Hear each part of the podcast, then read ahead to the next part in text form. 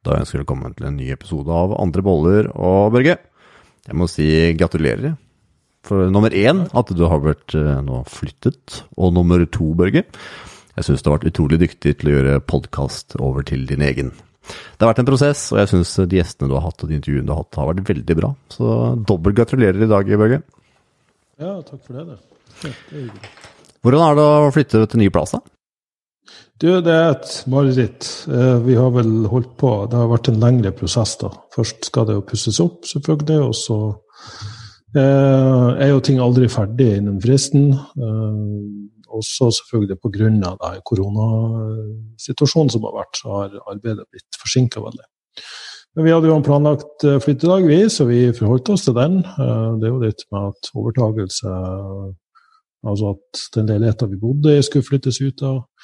Og vi har vel Nå har jeg flytta ganske mye de siste årene, det har vi snakka om før, og, det er jo ikke noe heldig egenskap egenskaper da, men forhåpentligvis er det her siste gang, og jeg er litt mer innstilt på, at det skal være da.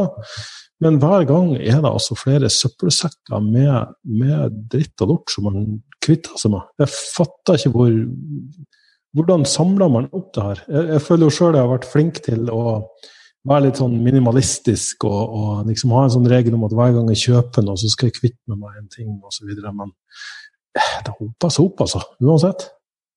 Ja, det gjør det. Ja. Men det, det, det er det som er interessant i den prosessen også, fordi mens det står på, da, så er man liksom i sonen. Eh, liksom ikke opptatt av verdensproblemer eller noen ting akkurat da. Eh, Kjenner ikke at man er sliten, kjenner ikke at man er sulten. Man bare gønner på uh, alt det man klarer, og, og løfter og bærer og kaster og, og holder på. Og så når man da kommer litt på plass og får landa litt, så er det en sånn underlig befrielse i at man har kvitta seg med så mye unødvendige greier. da. Uh, så, så, kombinert med den der gleden over noe nytt, uh, så, så, får man en så mye større si harmoni, da. Ved, ved, å liksom eliminere det som ikke er essensielt i livet. Og Det syns jeg var et sånt interessant tema å sitte og filosofere litt over, da, fordi jeg ser liksom de likhetstrekkene jeg har med, med, resten av livet også. Um, hvor, mye, hvor, mye, greier vi akkumulerer av følelser? Hvor mye greier vi akkumulerer av eh, at vi går og bærer nag, eller bærer gnag, som eh, de sier på reality-seriene. Eh, at, at, vi liksom, og, og, til og med på trening. Hvor mange som de bare bygger på og bygger på det treningsprogrammet sitt og legger til og legger til, fordi de må jo dekke liksom alle vinkler og alle aspekter og alle arenaer. Men uten at de kanskje kutter bort det som, som ikke er essensielt. Så, så det, det, gir sånn, for meg da, veldig sånn rom for ettertanke, og forhåpentligvis for de som, som hører på også. Prøve å tenke litt over hvor mye hvor mye greier du har akkumulert, om du egentlig trenger alt. Ja, samtidig vi snakker om det med å akkumulere ting, eller sånn, vi eldre som uh, følelser og opplevelser og osv., så, videre, så tror jeg vi også er flinke til å glemme, glemme det at uh, alle tingene vi akkumulerer av opplevelser, er også det som uh, danner den grunnlaget for hvordan vi oppfatter verdenen. Da.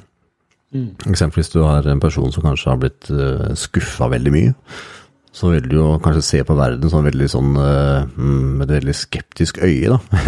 kanskje har problemer med å stole på andre mennesker osv. Og, og det, er da, det er da den måten du uh, opplever verdenen på. Og hvis Børge har veldig mye mennesker rundt seg som han har stort veldig godt på, spesielt sin far, eksempelvis. Så ironisk der, Børge, så lenge jeg har hørt historien din før. Så så er det en gang sånn at da oppfatter han verden på en helt annen måte enn du gjør hvis du er veldig skeptisk. Og det er jo også mye av årsaken til at vi får veldig utfordringer kommunisere sammen også. For jeg tenker sånn at det jeg tenker, Børger, det er det du tenker. Og når vi snakker det med flytteprosess, da, så er jeg oppe i en sånn prosess selv om dagen der jeg prøver å kvitte av mest mulig eh, satte tanke- og handlingsmønstre som jeg alltid har hatt. Mm. Vi snakket litt om sist gang, men det er fortsatt en pågående prosess. Og det går liksom sånn trinnvis igjennom. Jeg har liksom vært gjennom ganske mange fryktmønstre, og så nå er det liksom det gjennom litt andre typer mønstre. Så det er liksom det er hele tiden mønstre. Det er litt sånn flytteskjau inni min egen kropp på, på handlingsmønsteret. Ja, så det er, det er litt ålreit å høre at du har den der, eh, den flyttesjauen utad på å flytte rent fysisk, og jeg har sånn flyttesjau innad på en måte bli kvitt mye gamle mønstre. For vi har så utrolig Ja, er mange nesten mønstre. som det begge deler har altså, At det har både fysisk og mentalt flytta. Fordi man også føler man kan kanskje legge bak seg en del ting når du går over i noe nytt. da.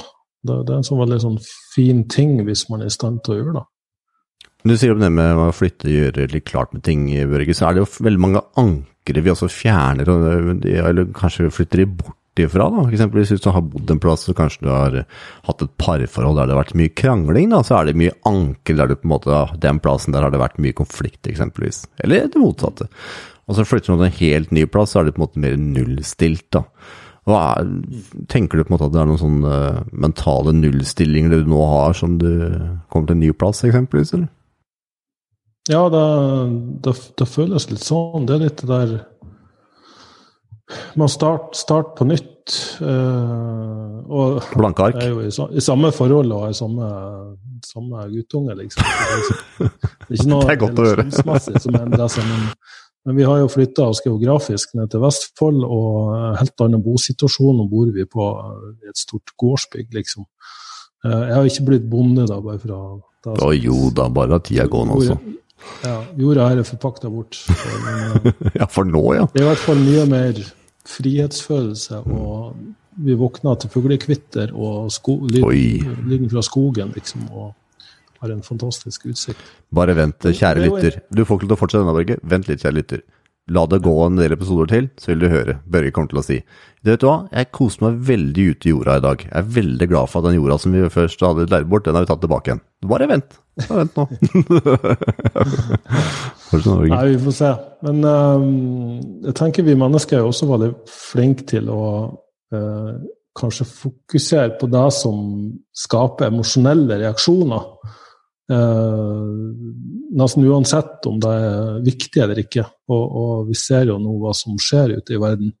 Og, og kanskje enda mer at vi, vi gir negative, negative og emosjonelle eh, hendelser mer eh, fokus og oppmerksomhet.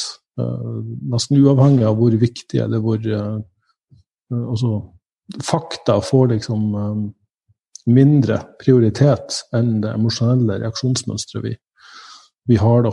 Um, og det her er nok, som du sier, da, en sånn programmering som vi tar med oss uh, videre uh, gjennom livet. Uh, vi, vi har jo også en, en tendens til å vi har snakka om affektiv framsynthet, at vi uh, har en tendens til å basere Eller anta at vi vil føle oss på en bestemt måte i framtida, basert på hvordan vi føler oss nå.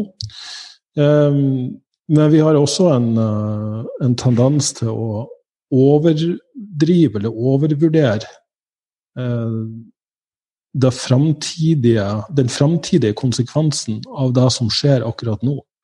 Så, så, når man er kommet videre og kommet forbi et visst punkt der man har hatt en dårlig opplevelse eller vært gjennom noe stort, så, så er det jo viktig da å klare å ha den refleksjonen og perspektivet på, på det som da virker så stort og uoverkommelig og forferdelig, at vi er i stand til å i hodet vårt eh, ta ut eh, det positive, og, og det vi kan lære av det.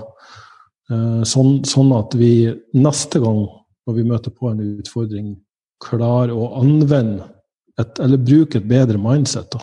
Kvitte oss mer med, med det negative. Eh, og, og um, dra nytte av den, den erfaringa, altså den styrken vi, vi faktisk skal opparbeide oss gjennom prosessen. Og så er det en eh, sånn veldig fin teknikk på den der eh, i det øyeblikket du krisemaksimerer fremtida, så er det sånn Ja, hva er det verste som kan skje, da? Så samtidig prøve å nøytralisere de forskjellige krisemaksimeringer Jeg kaller det for krisemaksimering, for de fleste kjenner seg igjen i det. Mm. Jeg vi på en måte alle har kjent på. Skal man flytte, og herregud, åssen skal det gå? Ja, ja. Ikke sant? Kan ikke trives der, og kan ikke finne plass å bo, i alle disse krisetankene som kommer. Så ja, hva er det som kan skje da? Trives kjempegodt som bonde, og plutselig så er jeg på en måte all in på å være det. Og jeg, jeg tolker det som at du er veldig rolig da, Børge. Det virker som at den nye, nye gårdstilværelsen din har gjort deg veldig lugn. Du er en rolig person i utgangspunktet, men så du virker veldig rolig og avansert i dag. Ja, men fader, det er jo 26 grader ute og sol og fint vær og veldig idyllisk her. Men enda en ting er jo at uh, jeg har trappa ned på og, og faktisk kutta ut kaffe. koffein. Ja. Så da spiller vel sikkert også litt inn at det virker litt roligere. Jeg er rett bare trøtt her jeg sitter. Jeg merker liksom på energinivået til Børge i dag at jøss, jeg var veldig rolig og avansert. Vi snakker om det med du, Jeg tror du var litt inne på det, det med hvordan vi, hvilke handlingsmønstre vi har osv. Og, så og jeg opplevde en eh, litt artig ting før i dag. Jeg var på noe som heter Follvik familiepark. Nå som du har kommet til Vestfold, Børge, så anbefaler jeg deg å reise til Follvik familiepark. Det, det er en veldig stor park. Da må ha en barn. Det er kjempestort. Uansett hvor mange mennesker det er, så virker det som at det ikke er så mange, for det er veldig stort. Eh, og vi var der med et eh, annet par som hadde med seg to barn. Vi er med to barn. og han eh, personen som da var med, som eh, da var en samboer av en venninne av en eh, samboer, han er en veldig rolig type. Litt sånn som Børge. Veldig rolig og avansert. Ja, det, han er veldig rolig. og så begynner vi å snakke litt om den der koronagreiene som har vært. Og plutselig så går den personen fra å være veldig rolig og avansert til plutselig bli kjempeentusiastisk. Og nå, nå mener jeg ikke sånn entusiastisk i positiv, altså, for jeg hadde ett utsagn, og det var akkurat som det tente bare bensin på et bål. Eh, og, og liksom gå, gå fra å liksom være helt stille og rolig sånn som Børge er nå, til plutselig Ja, mener om det, mener om det, mener om det, hvilken dato er det på det? Altså, det bare, det bare mata løs. og så skulle han da legge sin minste sønn, så han går da av gårde. Jeg tenker jøss, det var veldig engasjert han blei da. Så jeg flytter meg til andre plass til å vente på, så komme tilbake igjen. Jeg snakker litt sånn løst og fast inn. Og da merker jeg at da han har vært ute og gått, så han gjort klar seg argumenter for han skal argumentere og kommer tilbake igjen. Så han bare er ferdig med stikksnakk, og så bare mater han videre på det han på en måte hadde engasjert seg om. Og det som blei ble den aha-opplevelsen, da, det var at fordi jeg da hadde muligens litt annet syn på bare små detaljer kanskje enn det han hadde sånn egentlig, så fyrer han seg veldig opp. Og det er det, det er det som er med hvordan vi på en måte legger til oss ting underveis. Da. For jeg har pratet med personer mange ganger før. Vi er veldig enige og aldri hatt noen diskusjon på noen slags måte. Men nå var det noen ting vi ikke var enige i, og plutselig så var det full blown out uenighet. Jeg snakker fortsatt like rolig og på en måte kommer med mine rolige sider, mens han gira seg veldig opp. Og det blir fordi vi tar med oss forskjellige, vi tar med oss hendelser på forskjellig type måte. Så noen kan ha vært i denne koronakrisen vi har vært i nå, tatt det veldig rolig og avansert, mens andre kanskje har hatt det mye verre, og da har forskjellige forhold til det, da. Og det er det som er litt sånn utfordringen, altså det med trening, at noen kan ha kjempebra erfaring med den treningstypen, den type diett eksempelvis, mens andre har det motsatte. Så begynner man å krangle sånn skikkelig intensivt for at du har, måte, har forskjellige typer opplevelser av det. Og det syns jeg er veldig viktig å minne på igjen og igjen, for det, det må være mulig å være uenig fordi at man har forskjellige typer oppfattelser og erfaring av det som har skjedd. Det er ikke sånn at den ene eller andre er sannhet. Vi har sagt det mange ganger før, men jeg syns det må gjentas igjen og igjen. For det var sånn aha-opplevelse i dag. Ja, og så tror jeg det er viktig å ha respekt for at det finnes andre synspunkter enn ditt eget. Jeg har jo en historie sjøl med der jeg skal liksom innbitt forsvare ting som jeg tror på. Um, og selvfølgelig òg argumentere for at jeg har uh, mer kunnskap osv. Men, men det er fort gjort å bli litt ramma av den der at hvis du ikke har ydmykhet nok for din egen kunnskap, at du ennå ikke har skjønt uh, hvor lite du egentlig kan, så er det fort gjort å overvurdere den, altså betydninga av det du tror på. og Dermed tenke at uh, det her er universelt, og det her gjelder for alle. Og så tror jeg mange av oss også har Veldig godt poeng. til å um, anta at når noen andre mener noe som du ikke mener, så, har de, så er de ondsinna. Altså det, det er liksom eh, Eller ta feil, rett og slett. Du er helt sikker på at den andre personen som ikke er enig, tar feil. Men det er sånn at, ja, at, at, at Jævla tosk. at De har, en, de har en negativ intensjon bak det. Altså hvis vi hadde gjort det samme, så, så antar vi at vi har en god intensjon bak. Så, så vi er veldig sånn partisk i sånne diskusjoner der den andre er en idiot, mens vi er smart, liksom. Um, så min, min sånn teknikk for å prøve å utvide perspektivet mitt, det er å anta at jeg er enig med den andre parten. Kanskje ikke midt i diskusjonen, men i hvert fall i ettertid. Det sier iallfall ikke det da, Børge. Nei, i hvert fall ikke det da, for da skal jeg stå på mitt. Da er Børge rett. Eh, for, for hvis du begynner å sette inn i hvorfor uh, den andre parten mener det han mener og tror det han tror på, så må du jo nødvendigvis òg tilegne deg noe av det samme kunnskapsgrunnlaget eller erfaringsgrunnlaget. Selvfølgelig Ofte så er det at den personen bare har misforstått noe stort eller blitt utsatt for propaganda. Det, det er fullt mulig. Men enkelte ganger så kan man faktisk få en bredere og større forståelse for, for noe ved å sette inn i det motsatte perspektivet av det du tror på. Og det er en teknikk jeg har måttet brukt veldig mange ganger for å klare å forstå kosthold og, og trening, altså hvordan det har påvirka kroppen. Ja, og jeg tenker at hvis du er av den personen som iakttar istedenfor bare å handle, men du iakttar også, så vil du observere nesten hver eneste dag at du kommer i situasjoner som du handler helt ubevisst, men når du på en måte begynner å iaktta det, ser du at oi, hva, faen gjør jeg det der for? Hva Var det hva slags måte å svare på? Hvorfor ble jeg så grinete? Hva i svarte skjedde der? Og begynner man liksom å jakte. de, tenker hva på, hæ? Hvorfor, hvorfor gjør jeg de tinga der? Og det tror jeg nå er fordelen nå, Børgen. Den koronagreiene som har vært. At vi har, mange av oss iallfall, kanskje kanskje roe oss litt ned og slutta med det hamsterhjulestresset. Og så klart å begynne å jakte hvordan vi gjør ting. Og det er ærlig innrømme at eh, det er mange ting jeg gjør som uh, nå er i full opprydning. Altså. Det er mange handlingsmønstre som er ganske inngraverte her, som trengs en liten oppjustering og oppgradering. Ja, og jeg har Og jeg er snart 40. Og da tror jeg alle har Vi har kanskje en tendens til å Hvis vi ikke føler oss bra inni oss, eller at vi er i litt dårlig humør, eh, så kan det se ut som om det er samboeren eller partneren eller Vi skylder på det i hvert fall. Det er din skyld at jeg ble sur nå! ja, at vi projiserer det utad. Og, og, eller kanskje til og med legger Altså Jeg kan sitte der og være litt sur, og så kan bare samboeren svare meg noe helt enkelt. Og så sier jeg 'Hvorfor er du så sur?' Ja. Og så ja, men jeg er ikke sur. og da er du i hvert fall i gang. Jeg sur. Jeg tenker at siden jeg er sur, så er hun sur. Og ja. så blir det sånn. Ja. Da er det i gang. Og det er vel de her som er veldig fine å rydde opp i, det er det ikke, Børge? Og det er uh, å begynne å iaktta ting. Og Én ting er jo iaktta, noe annet er Du har i hvert fall innsett flere ganger at uh, for at man skal gjøre noe med ting som man selv innsetter. Hvorfor i svarte gjorde det der, der da? Det var jo mm. helt på jordet! Og det er i det øyeblikket jeg føler den realiseringa, altså bare skjønner at det her var jo så dumt at det her er nesten ikke mulig å forstå, da gjør jeg noe med det. Så du må liksom, du må jakte det og oppleve det med en måte at du får en sånn tankevekker. Da. Det er liksom da du får gjort noe med det neste gang. Og det, jeg tror vi også kanskje lever i en tid der veldig mange ser utover i verden. Ser på hva som skjer der ute, hva alle andre gjør. Bruker mye tid på internett og kritisere og slenge dritt. Og, og, kanskje litt for lite tid til introspeksjon, dvs. Si å sitte og reflektere litt over det sjøl, ditt eget liv. Hvor du er, hvor du skal. Um, jeg tror det er greit å ha en fin avveining der. Og Si jeg tror ikke det er i bedringens vei, Børge, eller? Eller er det bare meg som er det? For de to siste dagene har jeg sett på telefonen min ja, to ganger. Ja, nå driver du og projiserer. For det tar noe inntrykk. Nei, men jeg, jeg, tenker at jeg og du er vel eh, relativt flinke til å reflektere og filosofere litt over hva vi gjør sjøl. Men det er i hvert fall veldig fort gjort å tenke sånn når jeg ser hva som foregår på internett og i media.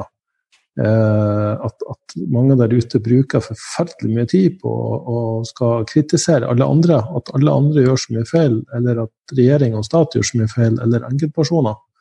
Eh, så, så, jeg tror kanskje det kan være på tide å, å i hvert fall fordele litt bedre. At for hvert minutt du bruker på tastaturet og kjefter på folk på internett, så kan du sette av et minutt til uh, refleksjon over hva du egentlig driver med sjøl, om, om, du har alt uh, rydda opp i bakgrunnen din. Nå skal jeg ærlig at jeg har, så vidt jeg kan huske, aldri kjefta på internett, uh, tror jeg. Uh, og jeg tror vel bakgrunnen for det er at i det øyeblikket jeg skulle sette meg ned og skrive, så tenkte jeg nei, jeg gidder ikke bruke tid på det likevel. så det er vel det man faktisk, før man svarer på taktisk, kanskje sove på det eller la det gå noen minutter, så tenker jeg ja, jeg bruker så mye tid på det. I de fleste tilfeller, da. Det er mange man kan unngå, kanskje, hvis man eh, puster dypt noen ganger og får litt oversikt. I 20-årene da var jeg nok veldig um, Veldig uh, altså, da skulle Inntil du har ikke funnet opp når du var i 20-åra, Børge? Nei, men da var, da, var sånn, da var det viktig for meg å ha, rett- og da kunne jeg bruke mye tid på å argumentere. Eh, og det her varte nok til langt opp i 30-årene, men så begynte jo med veldig mye sånn eh, ja, selvutvikling og refleksjon. og jeg har faktisk fått kommentarer da, fra folk som har fulgt meg lenge, at nå er jeg blitt mye mer sånn nøytral, mye mer saklig, mye mer sånn lugn og rolig. Jeg anklager, ikke svarer mye mer sånn diplomatisk, da. Eh, og, og det kommer rett og slett fra den, den selvinnsikten man får av å ja, leve et langt liv, kanskje først og fremst livets skole, men, men også da med å, å prøve å fjerne, få ut, rydde opp eh, sånn sinne, aggresjon eh, og bitterhet. At man går og bærer på veldig mye bagasje. Eh, for å få et sånt mer hensiktsmessig reaksjonsmønster, så, så tenker jeg det kan være greit å prøve å ja, bruke mange av de teknikkene vi har snakka om på denne podkasten, rett og slett. Jeg var borti med en person som fikk en veldig fin erfaring her om dagen. Jeg tenkte jeg skulle dele den med dere som lytter. Det kan jo kanskje hjelpe deg også. Den personen var veldig opptatt av det med rettferdighet. Eh, Og så var det at personen hadde jobbet- en plass, og noen andre da hadde da fått eh, mer eh, i lønn, eksempelvis, når de ble ansatt. Og det her gnagde noe veldig. Det var ikke rettferdig, det var urettferdig. og altså, Personen hadde flink til å diskutere, da, så det ble da sendt opp i systemet der den jobbet osv. Men så kom det tilbake at det var eh, det hun hadde fått, det var det som var riktig, mens de andre hadde fått, det var da ikke riktig gjort, men det var noe engang sånn som det var blitt gjort. Og så etter mye tanker og prating fram og tilbake, så viste det seg egentlig at det, det som det egentlig handla om, det var at personen følte seg eh, mindre verdsatt. Altså, det handla egentlig ikke om rettferdighet, men det var det at man følte seg da mindre verdt. Altså man, man fikk noe mindre enn andre, så var man ikke så mye verdt som det de andre er. Så det, det er veldig fort gjort at man kan tenke at ja, vet du hva, jeg handler ut av det der, og så ser man at "Mm, det var egentlig ikke noe med rettferdighet å gjøre. At Man vil jo ikke føle seg mindre verdt. Så det er, veldig, det er veldig fort gjort at man går liksom inn i fella og tenker at vet du hva, jeg styres kun av det der, der egentlig. Og så, så ser man liksom igjen og så eh, Nei, det er jo egentlig ikke det. og vi er veldig flinke til å lure oss selv på den måten. Det er, vi snakker om det med opprydning, da. Så er det sånn faktisk ta noen sånne runder med seg selv. om hva er det egentlig drives av, da? Sånn som den personen som eh, jeg da pratet med tidligere, eksempelvis. Han hadde tydeligvis da et driv og en verdisyn, muligens, da, som muligens ikke jeg hadde, eksempelvis. Så vi er veldig drevet av verdier som vi kanskje ikke er klar over, og kanskje de vi tror er, kanskje ikke er det de er. og Børge, det jeg skulle si i stad, som jeg tror kanskje at jeg iallfall opplever, at de to siste dagene så har jeg kikket på telefonen min to ganger. Da har jeg kun sjekka mail, og så sjekka om jeg har fått noen meldinger, og så er det kun det jeg har sett på telefonen min. Jeg, for den beste betalen så har jeg ikke visst hvor den har vært hen engang. Og det virker så veldig befriende å ikke ha den der forbaska telefonen rundt seg. og det er, det er bare sånn åh, jeg kjenner at vi er i ferd med å skilles. vi, er, i- vi er i en skilsmisseprosess, meg og telefonen min. Og det er en veldig god ja, det er det. Og det er en veldig god følelse, for at det ligger så mange mønstre knytta til denne telefonen. Utrolig mange mønstre som er knytta til det. Så fort det er kjedelig, man skal kikke på den. Men nå gjør jeg ikke noe, for jeg tid til liksom eh, å tenke meg om forskjellige vaner og på en måte klare å gjøre noe med meg selv. da. Og framfor å drive og stimulere av telefonen min hele tida. Og det er, ja, som sagt, meg og telefonen min, vi er veldig nære skilsmisse nå, altså. Vi er i hvert fall i separasjonsfasen. Ja, det var en god observasjon. Jeg jobba med saken sjøl, jeg skal innrømme jeg er ikke like god til det. altså. Da kommer, kommer nå, dere. Ta Kommer, opp den telefonen og skal ja, sjekke det hele tida. Ja, for la oss snakke litt om det Jeg, jeg har slått av veldig mye varsler, veldig mye plinger og sånne ting, sånn at man ikke blir forstyrra hele tida. men, men det er det der å ta seg i at det liksom skal oppsøke en form for stimulans, da. Det er jo det det handler om. Ja, og så er det med å kanskje sette litt sånne tanker og begrensninger for deg selv. Jeg ser, Børge, du er jo vanvittig flink til å svare nesten hvor det er, om det er din egen side, eller om det er på My Revolution sin eh, dialog, eller om det er på en måte med melding med meg, så er du alltid veldig kvikk. Og jeg tenker at det, skal det virkelig være sånn at hvis jeg sender en melding til Børge, så skal jeg forvente at han svarer innen to minutter, da? Kan han ikke svare på meldinga han har tid? Ja, men det har jo blitt sånn. At, øh, og jeg er veldig dårlig som regel på å svare tilbake, igjen, så får jeg som sagt bruker jeg sikkert telefonen min lenger heller. Og det er vel, vi kan vel gi hverandre og andre det, den måte sånn som vi hadde før for 20 år siden, der man måtte, ja ok, hvis man ringte så det svarte som var noen hjemme og de hadde mulighet da. Var det ikke noen som svarte? Nei, var ikke noen hjemme da. og ta noe i slakt så vi kan svare når vi har tid og anledning. Kan det ikke være sånn at mailboksen skal være full av kjeft? Noen ikke føler at de er så viktige at, at de fortjener at Ja, men vi er alle viktige i vårt eget hue, Børge. Ja, men at den andre personen liksom skal bare legge fra seg alt, slippe alt det har i hendene for å gi det den fulle og hele oppmerksomheten. Nei, tenker jeg her er grensesetting, Børge. Ja, det er selvfølgelig det. Det er det. Det er jo det. Vi må rett og slett bare sette grenser at eh, Vet du hva? Hvis du sender en melding til meg angående treningsprogram etter klokken tre, så får du ikke noe svar før dagen etter. Og det er sånn jeg opererer. Jeg tenker det er grenser de må for, for seg selv og for andre, da. Man skal ikke være tilgjengelig hele tida. Skal man det, da? Men hvis du vil virkelig få utfordre grensene og synet på det her, så, så anbefaler jeg deg å prøve å selge noe på finn.no. Det gjør jeg aldri. Du får meldinger fra så mye rare folk, og det er så mye rare meldinger fra rare folk at du, du vil jammen ikke tro det. Det er nesten som en sånn parallell dimensjon, altså. Det, det er Twilight Zone. Men det er nå en digresjon. Jeg kunne sikkert ha tilegnet en hel podkast til mennesker på film. Eh, Men eh, faktisk et lite tips. Eh, Sjekk ut Instagram-kanalen Ufinstad. Hva da? Ufinstad. Ufinstad? Ja. Ok. Det er, eh, jeg skal faktisk sj- do- dobbeltsjekke at det er da den er. da. Hva går det ut Det på? er en instagram Ja, Ufinstad heter den.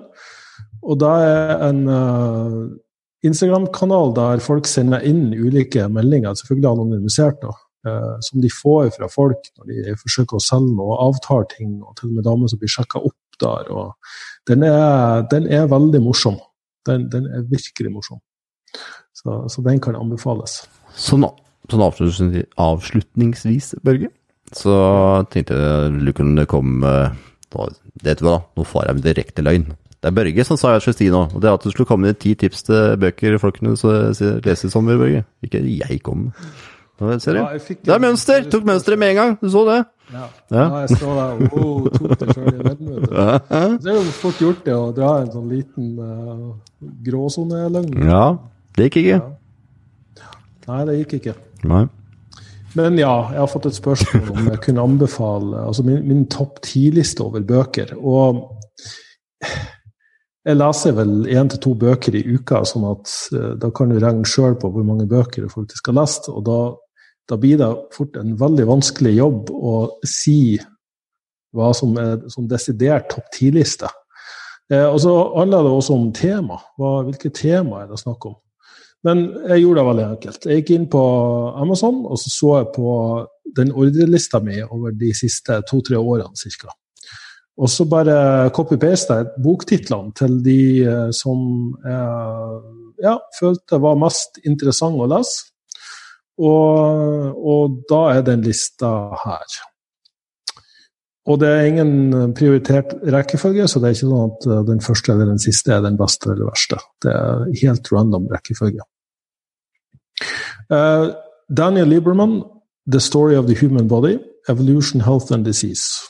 Det er den første jeg vil nevne. Den er en fryktelig interessant eh, perspektiv på mennesket og menneskekroppen og vår evolusjonshistorie eh, og sykdoms... Altså hvordan vår organisme har eh, respondert på, på alt vi har blitt utsatt for. Både miljø og kosthold og aktivitet. Nummer to, 'Ask for More'. 'Ten Questions to Negotiate Anything' av Alexandra Carter. Det er en, også en veldig interessant eh, sånn vinkling på eh, forhandlingsteknikk, som, som, kanskje går litt mer utover det her. Hun, hun sammenligner en forhandling med det å, å, seile en båt. Du skal navigere et hav. Det er ikke en sånn hvem har rett og hvem har feil. Det, det sånn ja, veldig fin måte å framstille det på. Så, så, jeg vil anbefale den boka for egentlig uansett hva du driver med. Det vi driver med forhandling hver eneste dag, nesten uansett hva vi driver med. Selv med oss selv? Ja, eller med oss selv. Mm, med seg selv. Eh, og den boka starta faktisk med fem spørsmål til deg selv før du er klar for å forhandle med noen andre. Så ja, les den. Nummer tre. The Carnivore Code Unlocking the Secrets to Optimal Health by Returning to Our Ancestral Diet av Paul Saladino. Dr. Paul Saladino. Eh, alle vet jo, eller de som har fulgt podkasten her, vet at jeg har testa ut et sånn kjøttbasert kosthold. Og nå er jeg ikke sånn fullstendig overbevist om at dette er det ultimate for uh, hele planeten. På ingen måte. Det er et veldig kontroversielt tema, det her kjøttdietten som det kalles. Uh, spise kun kjøtt osv. Det er Ja, jeg skal ikke utbrodere for mye. Men denne boka syns jeg i hvert fall var veldig interessant på måten den så på, både igjen fra et evolusjonært perspektiv, men også hvordan den analyserte den forskninga som er gjort på ulike kosthold og, og kostholdstilnærminger. Og går helt sånn på mikronivå på, på hva liksom, uh, maten vi spiser inneholder. Uh, både i uh, moderne tid og, og, gjennom evolusjonshistorien. Så, så det, jeg vil liksom gi deg en anbefaling, sjøl om du sitter der og syns at å spise kun kjøtt som et kosthold høres helt Eh, hårreisende og fryktelig ut. Og du tror du kommer til å ramle over ende av kreft kraft når som helst, hvis du skulle finne på noe sånt. Nummer eh, fire, er ikke det? Jo. Ultra Learning. Master hard skills, outsmart competition and accelerate your career av Scott Young og James Clear. Dette er da skrevet av noen som, som virkelig har eh, walk the walk, uh, talk the talk. Altså, de har eh, been there og done that og, og skriver det her ut fra et erfaringsbasert grunnlag. Han har jo da gjennomført eh, Han tok vel MIT-utdanninga på ett år eh, på egen hånd. lærte lære seg språk på to måneder. Prata flytende. Og egentlig en helt vanlig fyr, liksom. Ikke en som er ekstremt smart. Fordi vi har kanskje en tendens til å tro at du må være veldig smart for å klare å lære deg ting veldig hurtig. Um, så jeg motbeviser den myten, og, og, kanskje gir folk flest trua på hva de er kapable til, hvis de bare gjør det på riktig måte. Så, så det, den, det her med å kunne tilegne seg kunnskap og lære hurtig og lese hurtig, er jo egenskaper som du kan komme ekstremt langt med, kanskje noe spesielt i denne tiden vi er i nå. Så er det nummer fem, 'Incognito The Secret Lives of the Brain' av David Eagleman. Veldig spennende bok av en nevrobiolog som eh, gir eh, mange perspektiver på hvordan hjernen vår eh, faktisk fungerer. Det er til og med bevis på synske evner i denne boka her. Så, så det er en sånn uh, ja, banebrytende bok på mange måter. Fra den seneste, nyeste forskning uh, og hans kunnskaps- og ekspertisefelt. Så, så den boka var, var veldig interessant, syns jeg. Og så vil jeg ta med Game Changers, What Leaders, Innovators and Mavericks Do to Win at Life av Dave Asprey, også kjent for Bulletproof uh, Coffee og Diet og alt mulig.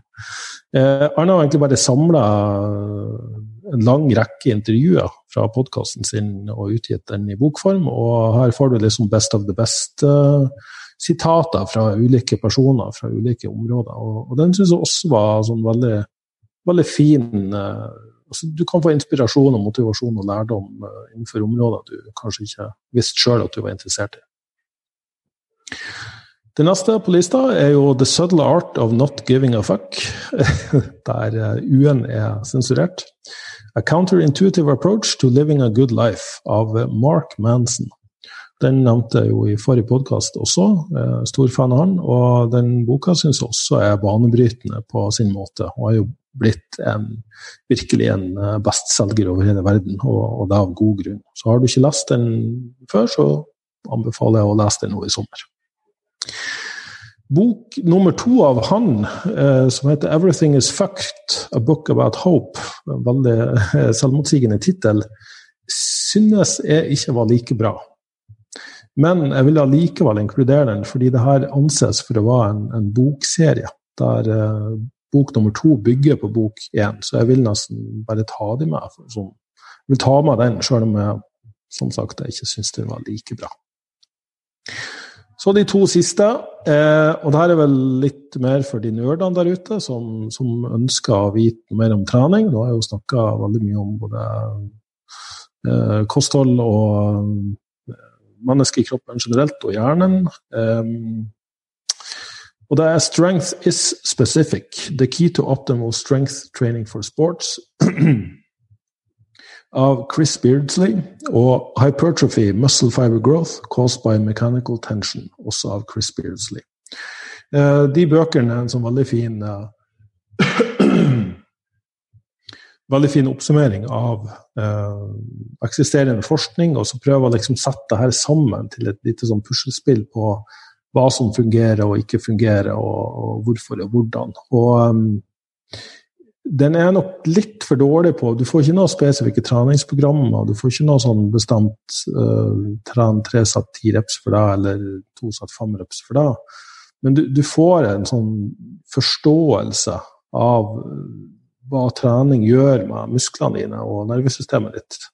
Eh, sånn at eh, logiske konklusjoner av etter å ha lest i bøkene vil jo faktisk på mange måter bli veldig likt det jeg anbefaler i mine artikler også. Så, så det er litt sånn uh, ja, like minds think alike, eller noe sånt, tenker jeg. Så, jeg. så jeg, vil ta med de. Jeg kunne sikkert ha omstokka og tatt med andre bøker på denne lista, men men det er nok de som, eh, som dekker liksom alt det vi snakker om på denne podkasten, i hvert fall. Kan jeg legge til tre stykker som jeg bare kom på mens du satt og prata, Børge? Ja, gjerne. Det er, Den ene er 'Change or Die'. Den, eh, jeg husker ikke hvem som skrev for jeg husker bare navnet. Men det som eh, jeg syns var veldig spennende med den boka, det var Minst husker det er en lege som har skrevet den. Og det var eh, angående pasienter som skulle hjerteopereres, og som skulle opereres pga. fedme. Uh, og istedenfor at de ble operert, for det her var ekstrem fedme, da. så istedenfor at de skulle ble operert, så fikk de lov til å være med på en sånn uh, retreat, der de fikk uh, kokk, og de fikk yoga, meditasjon og alle de der tinga her. Da. Og det viste seg at etter en stund så gikk det veldig mye ned i vekt, for de begynte å trene, og de gjorde alle de tinga som skulle til med sunt kosthold osv. Og så viser det seg hvor vanskelig det egentlig er å legge om vanene, selv om at du egentlig får beskjed om vet du hva, hvis ikke du legger om, så dør du. Men selv det, den beskjeden der, så viser det hvor vanskelig det er å egentlig gjøre om vaner. Da. Så Change your life kan jeg absolutt anbefale. Ja. Uh, bok nummer to er Principles, som er av Ray Dalio. Ray Dalio er grunnlegger av en av verdens største hedgefond. Og han skrev en bok som heter Principles. Og der han på en måte legger fram hvordan han tar avgjørelser og valg, og hvordan han på en måte ser på verden. Den jeg synes det har gitt meg utrolig mye. Og så en annen bok som jeg vet at Børge også har lest, og satt og venta litt på å høre hvorfor man skulle lese opp, men det gjorde han ikke. Det er Mind to Matter. Uh, og den eh, boken handler om en del uh, Kan vi kalle det for kontroversielle studier, Børge? Ja. Uh, mind to Matter Ja, jo, jo akkurat. Du, den var der. Kom ikke med på topp 10-lista! Nei, det kom liksom ikke med. og Det er nok fordi jeg fant ut at jeg ha med to treningsbøker. Og grunnen til at jeg har lyst til å bare nevne Mind Matter, er at den som sagt har en del kontroversielle studier. Og jeg tenker at det, det må være lov til å ha med kontroversielle studier òg, når man har så utrolig mye fakta på den, hva skal jeg si, den uh, generelle, de generelle studiene som vi alle godtar. da. Så mm. noen ganger så trenger vi også å høre på studier som kanskje er litt kontroversielle, som ikke alle godtar òg. Vi trenger å få litt perspektiv i forskjellige områder. Faktisk, jeg tror faktisk David Eagleman eh, anbefalte den boka i sin bok, 'Incognito The Secret Lives of the Brain'. Så da sier jo litt om betydning av, uh, av den. Så Mind Matter støtter den fullt ut. Så kjære lytter, da håper vi at du har noen bøker å velge i, og at vi ga deg noen tanker om det med opprydning. Ja, det mental opprydning er minst like viktig som å flytte og skal bli bonde, storbonde, sånn som det Børge skal bli. Så til neste gang, så Så tusen, tusen takk for at du hørte på. Og Send gjerne forslag til eh, podcast.myrevolution.no angående tema eller gjester Børge skal intervjue eller ta opp. Så ha det bra. Ha det bra.